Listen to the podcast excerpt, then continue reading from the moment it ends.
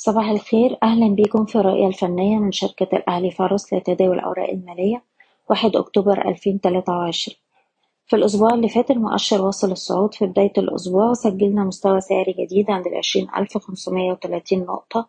ومن هنا بدأنا نواجه بعض عمليات جني الأرباح اللي دفعتنا للتراجع وأغلق المؤشر الأسبوع عند مستوى العشرين ألف مية أربعة وسبعين نقطة وكون بذلك نمط فني سلبي.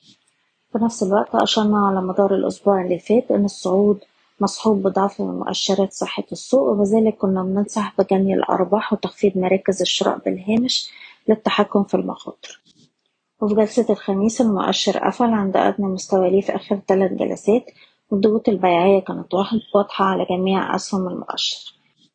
وبالتالي التراجعات في الوقت الحالي بتشوفها عمليات جني أرباح وتصحيح طبيعي بعد صعود قوي على مدار تسع أسابيع متتالية ومستويات الدعم التالية هتكون حوالين العشرين ألف نقطة إلى مستوى تسعتاشر ألف وسبعمية ودي المستويات اللي بنتوقع منها محاولات تماسك وارتداد مرة أخرى.